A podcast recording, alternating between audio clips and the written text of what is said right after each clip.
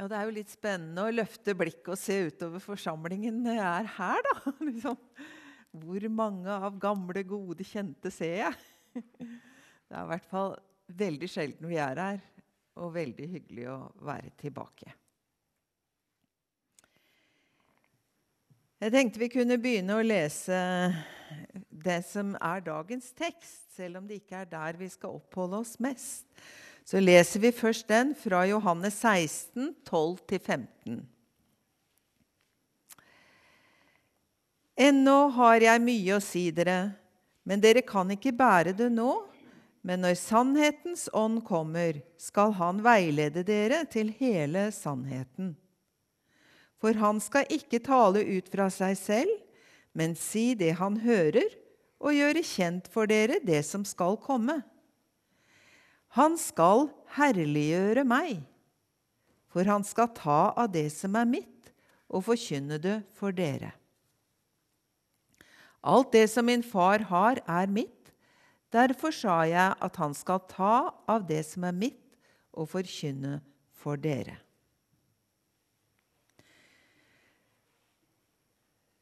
Det er snart pinse, og da er det Den hellige ånd som står i fokus. Vi skal ikke snakke så mye om Den hellige ånd, men vi skal snakke om Han som Den hellige ånd herliggjør. Så vi kommer til å bruke en del tid i første kapittelet i Johannes evangelium.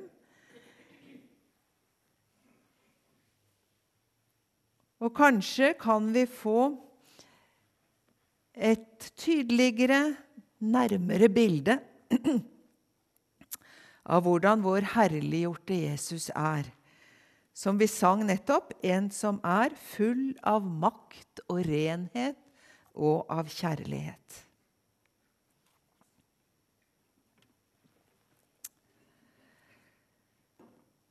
Skal vi fortsette med å be den bønnen som Paulus ba for sine troende søsken. Vi ber om at du, vår Herre Jesu Kristi Gud, herlighetens Far, må la oss få den ånd som gir visdom og åpenbaring. Så vi lærer deg, Gud, å kjenne må du gi lys til hjertets øyne, så vi kan få innsikt i det håp du har kalt oss til, og hvor rik og herlig din arv er for de hellige, og hvor overveldende din kraft er hos oss som tror. Amen.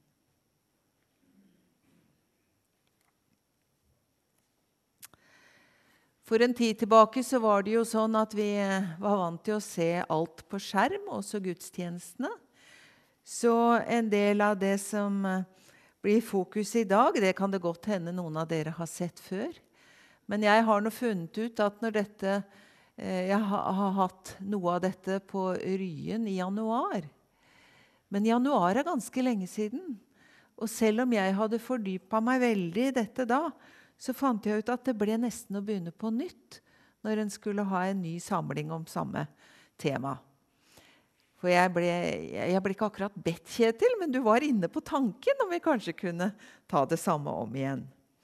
Så blir det ikke helt om igjen, men det kan hende dere kjenner igjen noe. Og, og på en måte var det litt skremmende å se hvor, hvor fort ting blir fjerne. Så det der med å fordype seg på nytt og på nytt er noe vi trenger for at det kan være til liv og være levende i oss.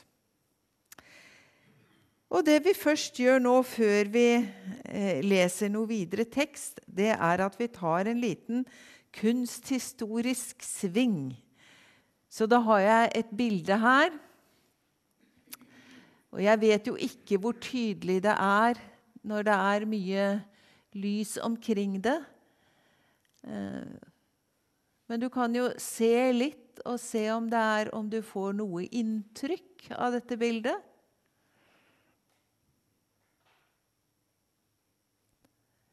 Og legg merke til hva du legger merke til.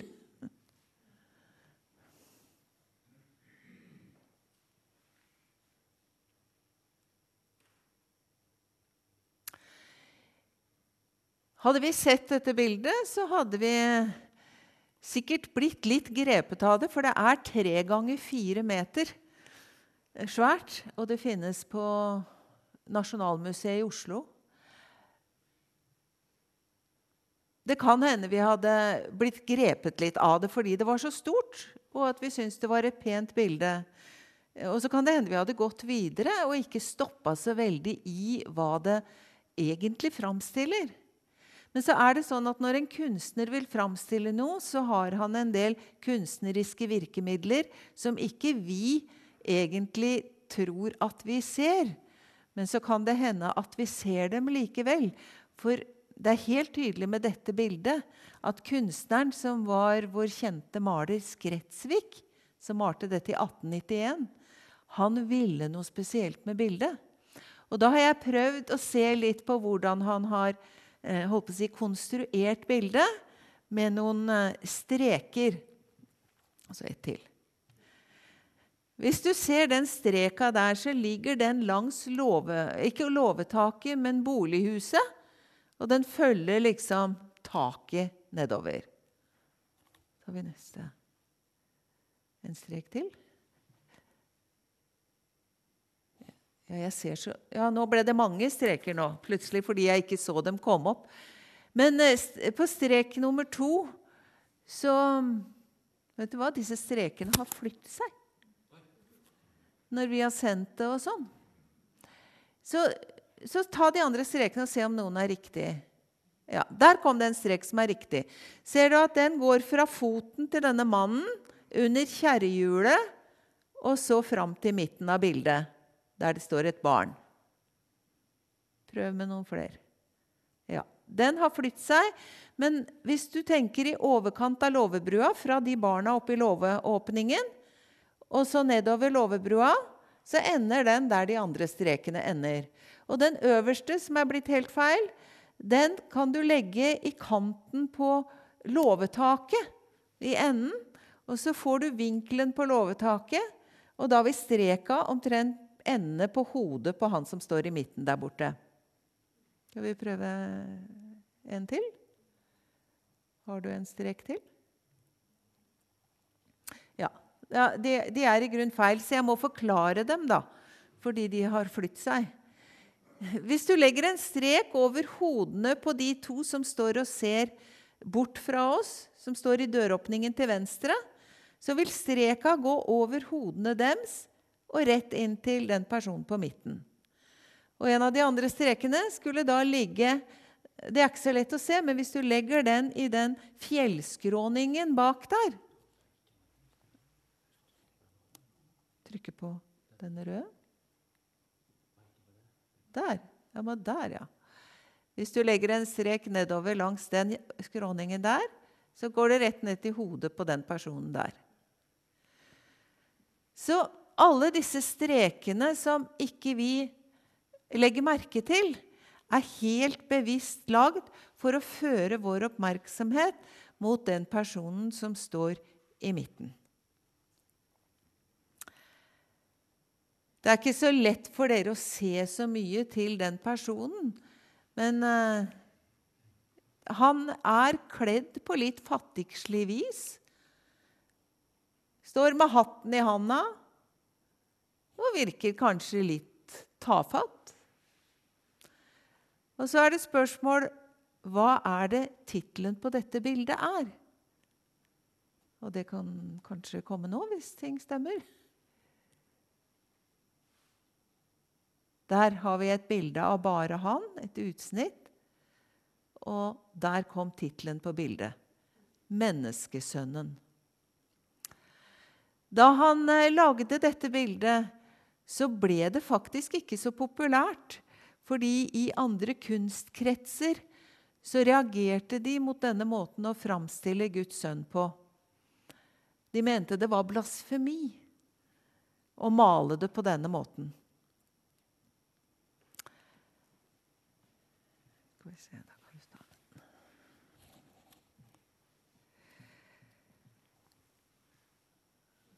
Og så var det altså hans måte å plassere Guds sønn som vår nære menneskesønn midt inn i en virkelighet.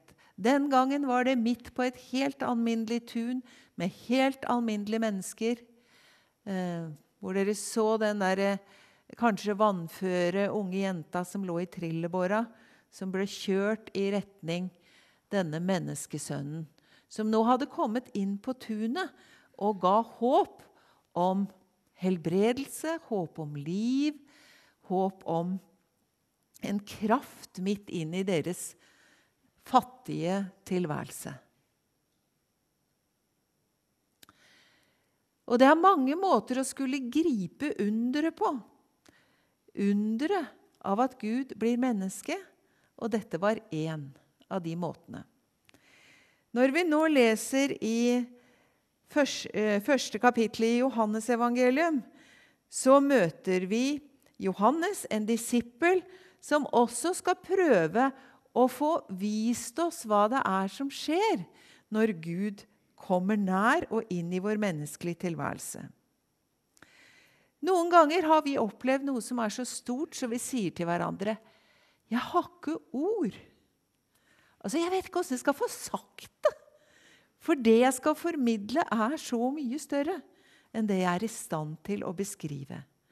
Og jeg tror kanskje Johannes må ha hatt det litt sånn at han ikke visste hvor han skulle begynne, og visste hva slags begreper han skulle bruke for å prøve å favne en himmelsk virkelighet i våre hverdagslige ord.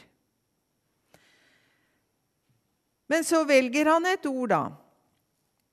Og der begynner vi å lese. I det første kapitlet så leser vi vers 1 og vers 14 og vers 16 til 18. I begynnelsen var Ordet. Ordet var hos Gud, og ordet var Gud. Og ordet ble menneske og tok bolig iblant oss og vi så hans herlighet. En herlighet som den enbårne sønn har fra sin far, full av nåde og sannhet. Av hans fylde har vi alle fått nåde over nåde. For loven ble gitt ved Moses. Nåden og sannheten kom ved Jesus Kristus. Ingen har noen gang sett Gud, men den enbårne som er Gud, som er i fars favn, han har vist oss hvem han er.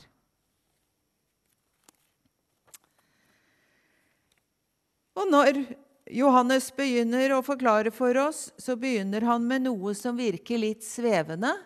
Og jeg vet ikke om du alltid, alltid blir så oppbygd og oppmuntra når du leser i begynnelsen hva ordet og ordet var hos Gud, og ordet var Gud. For det er sagt på en måte som virker litt sånn Og hva så? Men eh, det, det begrepet som Johannes brukte, det lød litt annerledes i ørene til mennesker den gangen. For han brukte ordet 'logos'. I begynnelsen var 'logos'. For, eh, og det betyr egentlig ordet. Så for jødene som hørte det og kjente Det gamle testamentet, så var det med en gang en kontakt med begynnelsen, med skaperordet fra Gud, som er helt annerledes enn våre vanlige ord. I begynnelsen var Guds ord. Han var skaperkraften. Han var bak hele vår tilværelse. Så de kunne fornemme at han snakka om Gud og Guds nærvær med dette begrepet. Og andre som kanskje ikke var så kjent i jødenes verden, grekere og andre, de kjente ordet 'logos' fra den religiøse sammenhengen. Og der visste de at det også var det begrepet man brukte for å beskrive det uendelige, det store, det som går langt utenfor hva vi klarer å begripe eller gripe. Det var på en måte tilværelsens grunn det var snakk om når man brukte ordet 'logos'. Så mens Lukas går inn i en stall i Betlehem og trekker det helt ned på bakken, litt mer sånn som Skretsvik har gjort, så løfter Johannes oss opp i de himmelske sfærer. Og der begynner det. Og når vi liksom et øyeblikk har vært der, hvor vi egentlig kjenner at vi ikke hører helt hjemme fordi det overgår vår forstand og vår forestillingsmulighet Vi er i den guddommelige verden. Vi er der alt er på et annet plan enn vår jordiske virkelighet. Full av kraft og renhet og av kjærlighet. I den verden begynner det, og så kommer neste vers vi leste. Og ordet ble menneske. Alt dette som var uten grenser, som var Gud selv, blir på en måte jeg holdt på å si, trøkt inn i et menneske. Altså, Det skal nå rommes av noe som er så begrensa, og noe som er så uten spesiell herlighet. Inn i et menneske, inn i menneskelig kår, inn i menneskelig erfaring. Dit skulle nå den himmelske herlighet. Og så skulle den himmelske herlighet gjennom ordet tre inn i vår nærhet og være her. Det står han han tok bolig blant oss. Det var ikke bare på gjennomreise. En kort visitt. Han tok bolig, han slo seg ned. Dette ordet som var han, som var Jesus. Og det begrepet som er brukt på, på, gresk Det blir litt sånn begreper og gresk og sånn i dag. Men Jeg håper ikke det blir helt gresk, da. Men det står at han slo opp sitt telt midt imellom oss. Og da går i hvert fall jødenes tankegang veldig fort tilbake til Det gamle testamentet. For hva var assosierte de med telt? Og hva assosierte de med sammenhengen Gud og telt? Jo, da assosierte de tabernaklet.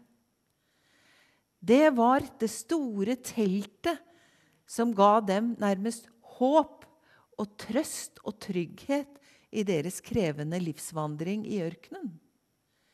For tabernaklet var innstiftet av Gud. Det var han som ville slå opp dette teltet. Og teltet var møtestedet mellom den hellige Gud og hans feilende barn. Men der i teltet og de reglene som var knytta til teltet, kunne mennesket gå og vite at nå er vi i Herrens nærhet på en helt spesiell måte.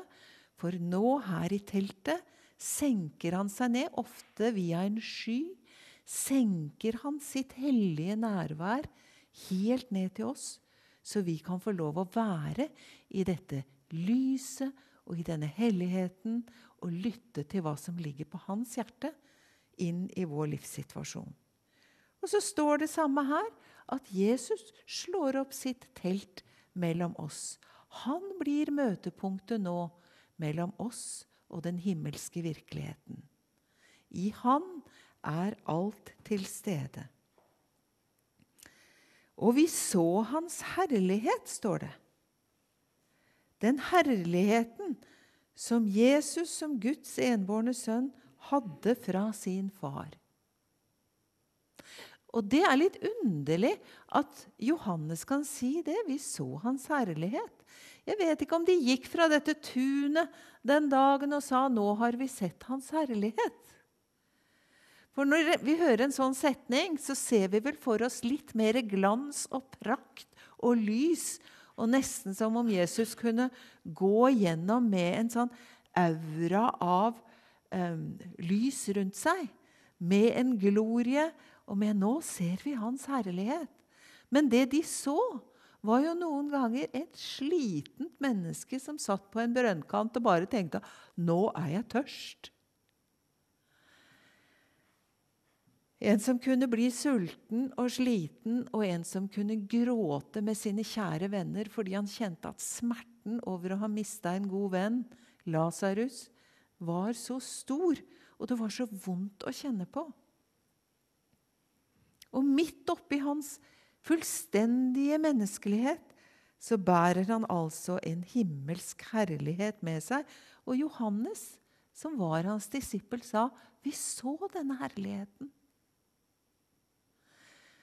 Det kan hende det var en aura, men den var ikke synlig for eh, øynene på de som var rundt ham. Går det an å gå tilbake til det store bildet i starten? Vi ser på det bildet at det er en del mennesker som på en måte trekkes mot ham. Blikkene til de to på venstre side. Han som kjører trillebåra med kjære barn i, kanskje. Og det lille barnet som står der. Helt inntil han, og antagelig litt måpende og lurer på hva dette er for noe, når han legger hånda på hodet til det barnet. Men jeg vet ikke om det er tydelig nok. Men litt til høyre for menneskesønnen så står det en mann med svart eh, dress, jakke og henda på ryggen. Ser dere det? Eh, og han står sammen med en som er enda litt til høyre, som har en lang kappe som går nesten ned til anklene.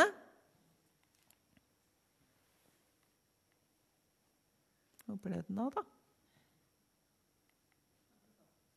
Jeg får ikke til sånt, jeg. Nå trykker jeg. Der. Der står det en mann, velkledd mann med hatt og stokk. Og ved siden av der står det en med en lang kappe på. Og muligens er det en som er litt mer velkledd der også. De mennene der som er velkledde, de er opptatt med å prate sammen. De har ikke sitt blikk vendt mot menneskesønnen. Og det sier kanskje noe om at dess høyere opp du er på rangstigen, dess mer du har fått tilfredsstilt i dette livet, enten det er av posisjon, ære, makt, kunnskap, penger, materielle goder, hva det nå er som gjør at du er litt bedre enn mange andre, da ser det ut som det er mer interessant å stå og diskutere enn å venne seg til denne menneskesønnen i undring over hva det er han har å gi oss i dag. Så det er forskjellige typer mennesker som har et forskjellig forhold til, til Jesus, menneskesønnen, på det bildet. Og kanskje er det noen av dem som virkelig har sett Jesu herlighet, fordi de blir på en måte grepet av det som stråler ut fra ham.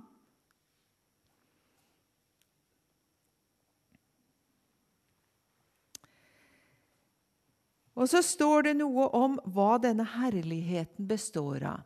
Selve ordet 'herlighet' på gresk er det samme Det heter 'doxa' på gresk, og så er det det samme som et hebraisk ord som heter 'kavod'. Eh, hvis noen skulle være interessert i det.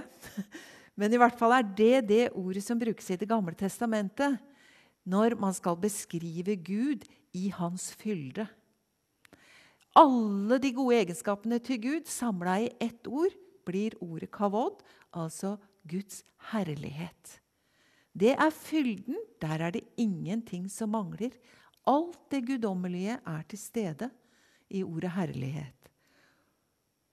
Og så er det denne herligheten de disiplene og andre rundt Jesus ante når de var i hans nærhet. Og det er denne herligheten han bærer med seg når han trer inn i verden. Og så står det videre om hva denne herligheten er. Hva er fylden i herligheten? Jo, den er full av nåde og sannhet. Når vi hører ordet nåde, så blir vi ofte eh, Ja, vi tenker kanskje i hvert fall på noe som er godt. Noe jeg lengter etter. Når noen møter meg nådefullt, når jeg kanskje fortjener noe annet, så, så varmer det meg så blir jeg styrka, så får jeg kanskje nytt mot. Og nåde har dette med godhet og miskunn i seg. Men sånn det er brukt her, så er det kanskje et annet ord som dekker enda bedre hva nåden er, og det er ordet kjærlighet. Så den er full, Jesu herlighet, av kjærlighet og godhet og alt det andre.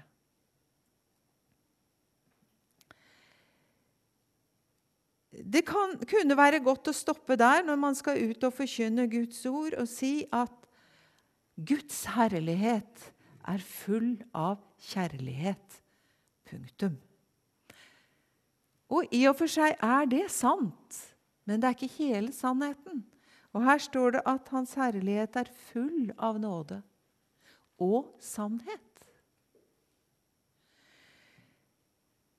Og ordet 'sannhet' som er brukt her da på gresk, det er også, har en litt annen valør, kanskje.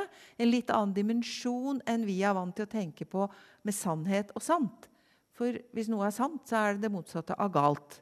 Så vi er jo vant til å bruke sant om noe som er riktig, og galt om det som ikke er sant. Selv om vi også snakker om den store sannheten. Hva nå mennesker assosierer med det.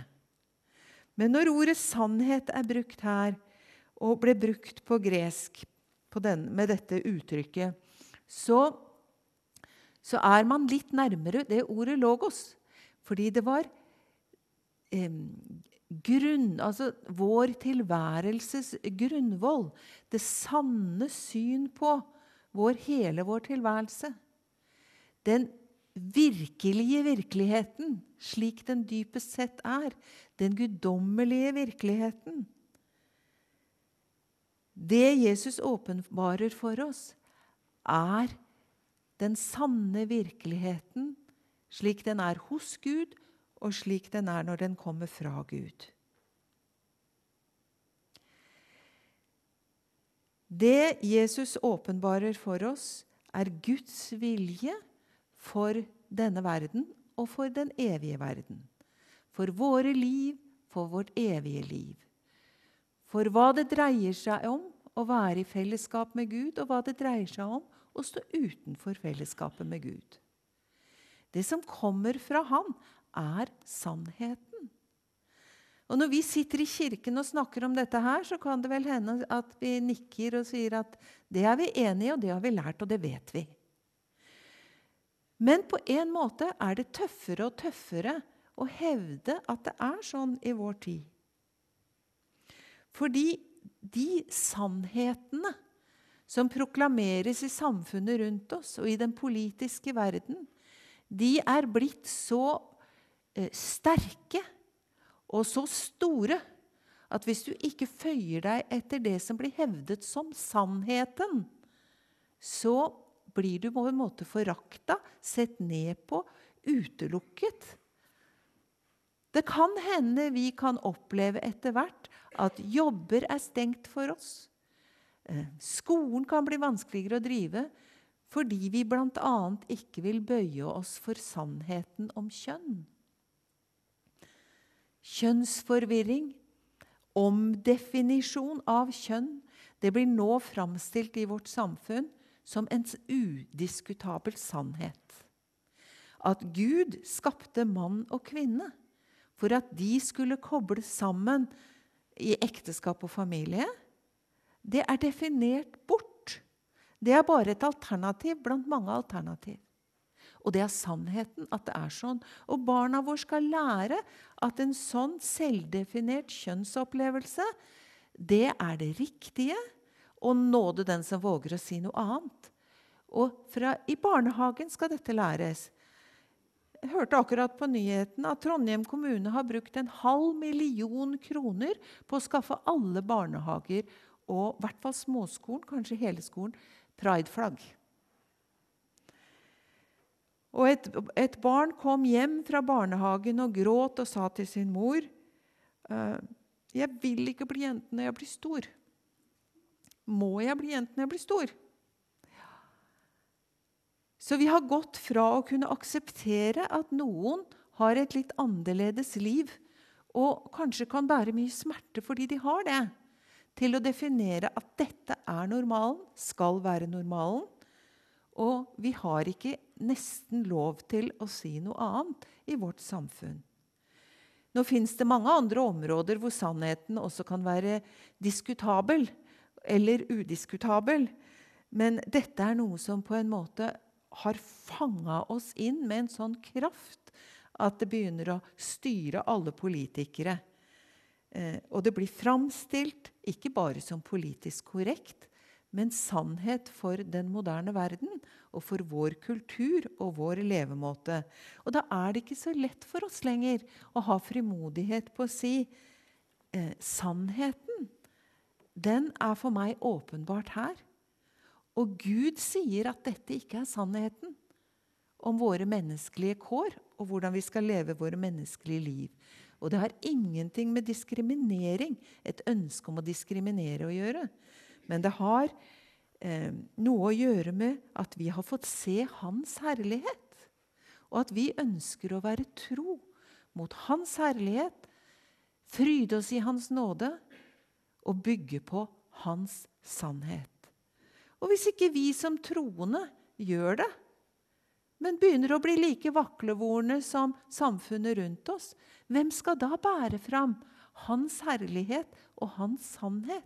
Og troen på at Hans åpenbarte vilje er en vilje som fører til liv, overflod, fred.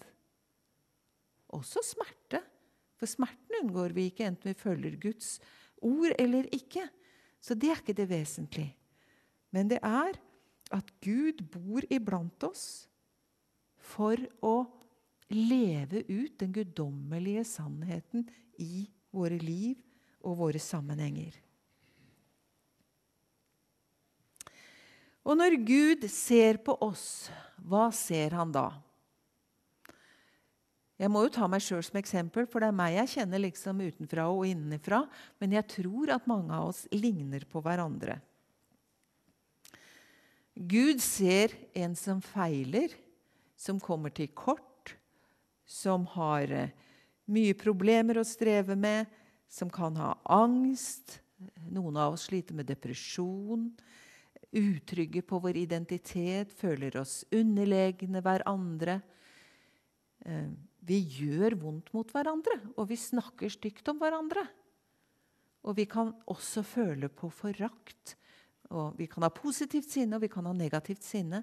Men vi er nå en sånn flokk da, som er ganske prega av at synden bor i oss. Og vi lever i en syndens sammenheng. Så når Gud skal ta av sitt og gi til oss, hva er det han da gir? Selv om jeg vet noe som er riktig i hodet, så tror jeg ofte følelsene mine har en erfaring av at han gir meg en litt stram mine og en pekefinger. Og sier at 'Husker du ikke hva jeg har sagt?' Vil du ikke ta på alvor det du sier du tror på? Har du ikke, eller vil du ikke komme litt lenger i din måte å behandle din ektefelle på? Eller dine kollegaer? eller hvordan du forvalter tid og liv, skal ikke du lære? Det er veldig lett for oss å kjenne at han kommer imot oss. Og vi gleder oss over det. Men så er det noe av en dom i blikket. Kanskje. Noe av en strenghet. Men så står det når han fortsetter her Det står hva vi har fått. Av hans fylde har vi alle fått. Og det er noe litt annet. For hans fylde er det som tjener til liv, glede, fred, herlighet, overstrømmende nåde og godhet. Og det står faktisk svart på hvitt av at dette som er Guds vesen, av denne fylden der ingenting mangler, har vi fått. Vi lever med en sånn eh, todeling. Vi er i kontakt med den himmelske herlighet og verdens uselhet. Og han som står der midt i dette bildet, han ser mer ut som oss. Og Gud sier, Det står i hvert fall i salmene at Gud kommer i huet at vi er støv. Vi er i grunn Vi har ikke så mye å stille opp med. Men av Hans herlighet har vi fått, av Hans fylde. Så her er dobbeltheten med å være fullstendig underlagt menneskelig kår og likevel være bærer av Guds fylde.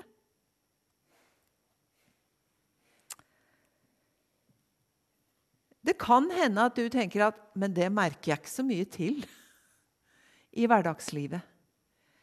Jeg kan tro på det, på en måte. Men burde jeg ikke kjenne litt mer til det, da? Hvor blir det av? Jeg ser det verken i meg eller mine troende søsken. Denne fylden av Guds nærvær. Og jeg tenker Hvis vi skal spørre vår erfaring og vårt indre menneske om dette er sant, så kan det hende vi får et sånt svar at 'Jeg vet ikke, jeg. Er det noe gærent med meg?' Jeg føler det veldig sjelden, i hvert fall. Og jeg tror faktisk ikke at vår erfaring, hvis vi spør og ser på våre liv, vil gi oss noen kloke svar på akkurat det der. Jeg tror kanskje når vi hører et sånt ord Av Hans fylde har vi alle fått. Av Hans fylde har jeg fått. Kanskje jeg heller da skal bli der og meditere. Og kjære Gud, hva betyr det egentlig? Er det virkelig sant at du deler din himmelske herlighet med meg?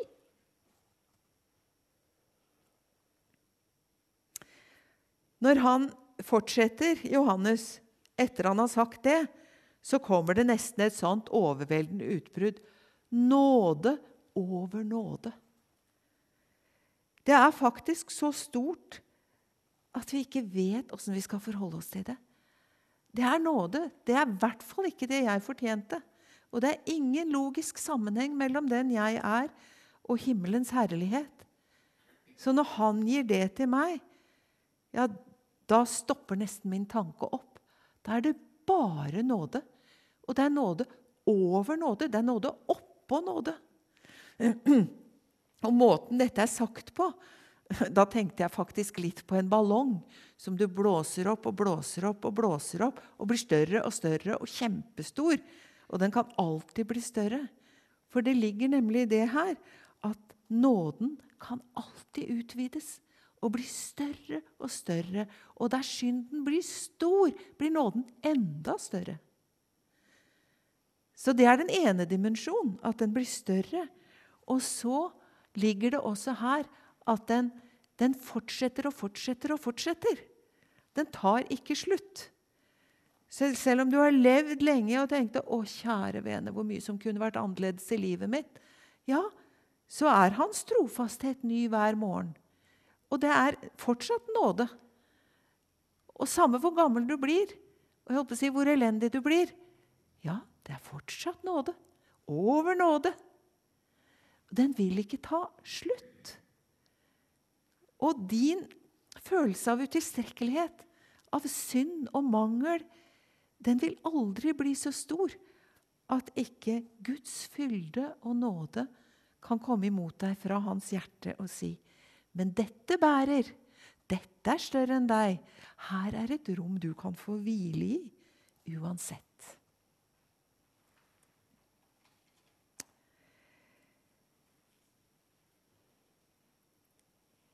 For loven ble gitt med Moses. Kanskje vi skal bare ta med det også eh, før vi går mot slutten. Men loven ble gitt med Moses. Da kan det hende flere enn meg tenker ja, ja, da har vi loven. Det er liksom den store motsetningen. Det er kravene om alt jeg skal klare. Og sånn var det jo i Det gamle testamentet. Men en jøde som lytta til dette her, ville høre det med helt annen eh, persepsjon, altså mottagelighet. Fordi loven som var gitt med Moses, var det mest hellige jøden visste om. Det var herlighet. Det var det Gud hadde gitt dem, åpenbart for dem, som veien til Gud og veien til frelse. Loven var ikke bare noe jeg må klare, jeg må følge, og jeg må, jeg må, jeg må. Loven, Tora, det er Guds nærvær mellom oss. Så når loven ble gitt ved Moses, så var det allerede Guds nådefulle tilstedeværelse den gangen i Det gamle testamentet. Det var nåde. Men så var det nåden over nåde som kom nå. Og da var det nåden og sannheten som kom ved Jesus Kristus. For loven var Guds åpenbaring og tilstedeværelse den gang. Nå er Jesus Kristus kommet. Med den fullkomne herlighet fra Gud. Og han har slått opp sitt telt for å bli her mellom oss. Nåden og sannheten og det som bærer oss, gir oss liv. Og jeg tenker på i bildet her igjen, som er veldig bibelsk. Han står der så enkelt, akkurat som de andre, kledd akkurat som de andre, litt fattigslig. Men han rekker ut sin hånd og legger den på hodet til det lille barnet.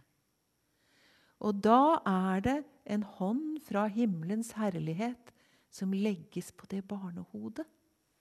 Og han formidler eh, rett fra Guds hjerte over det barnets liv.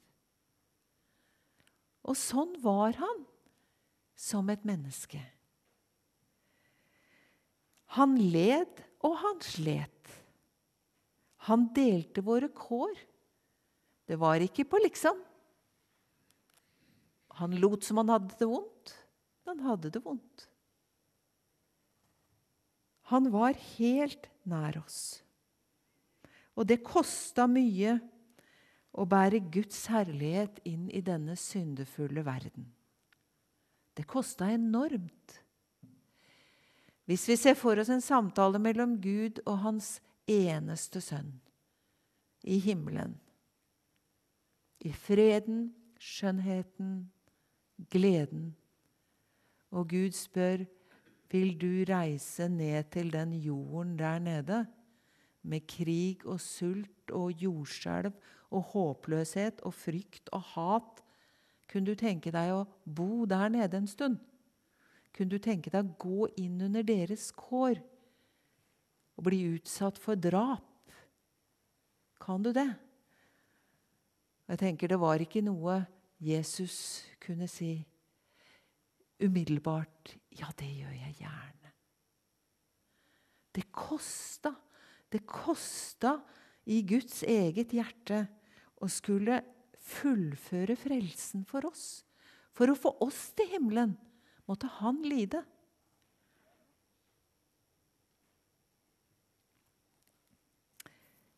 Men i det siste verset her står det ingen har noensinne sett Gud, men den enbårne, som er Gud, og som er i fars favn. Han har vist oss hvem han er. I det bildet vi er i nå, hvor Gud og Jesus samtaler, der begynner det hele. Og her står det at Jesus, menneskesønnen vår, han er i fars favn. Altså, når du trykker noen inn i din favn, da trykker du dem inn til ditt hjerte. Der, når Faderen trykker sin sønn inntil sitt hjerte, og kjærligheten er det sterkeste som finnes mellom de to og i Gud, da fødes vår frelse, for å si det sånn. Da begynner det som blir Jesu frelsesgjerning for oss. Da begynner det som skal løfte oss ut og gi oss håp, selv om vi knuses av det som er ondt, og det som er vondt. Men det begynner, og det fortsetter å være, et kjærlighetsgjerning i Guds hjerte. Det står ikke 'han som var' en gang i Faderens favn da dette begynte, men det står 'han som er' og blir værende, betyr dette ordet. Han er i fars favn. Han er konstant på den plassen der Guds hjerte banker både for han og for oss. Og så var det en liten ting til som jeg ikke har lest i noen kommentar, men som jeg syns var litt fascinerende. Og det er at det greske ordet som er oversatt med favn eller fang, det kan også bety eh, vagina for kvinnen. Og da tenker jeg det har med fødsel å gjøre. Det har med nytt liv som kommer fram via kvinnens moderlige organer. Sånn at sammen med at han er i kjærlighetens favn hos Gud, så er de også veldig nær til at nå skal nytt liv fødes fram. og gis oss i det Gud selv trer inn i menneskers skikkelse og blir vår aller nærmeste og aller herligste venn. Og forbeder og trøster og hjelper og frelser. La oss være stille litt.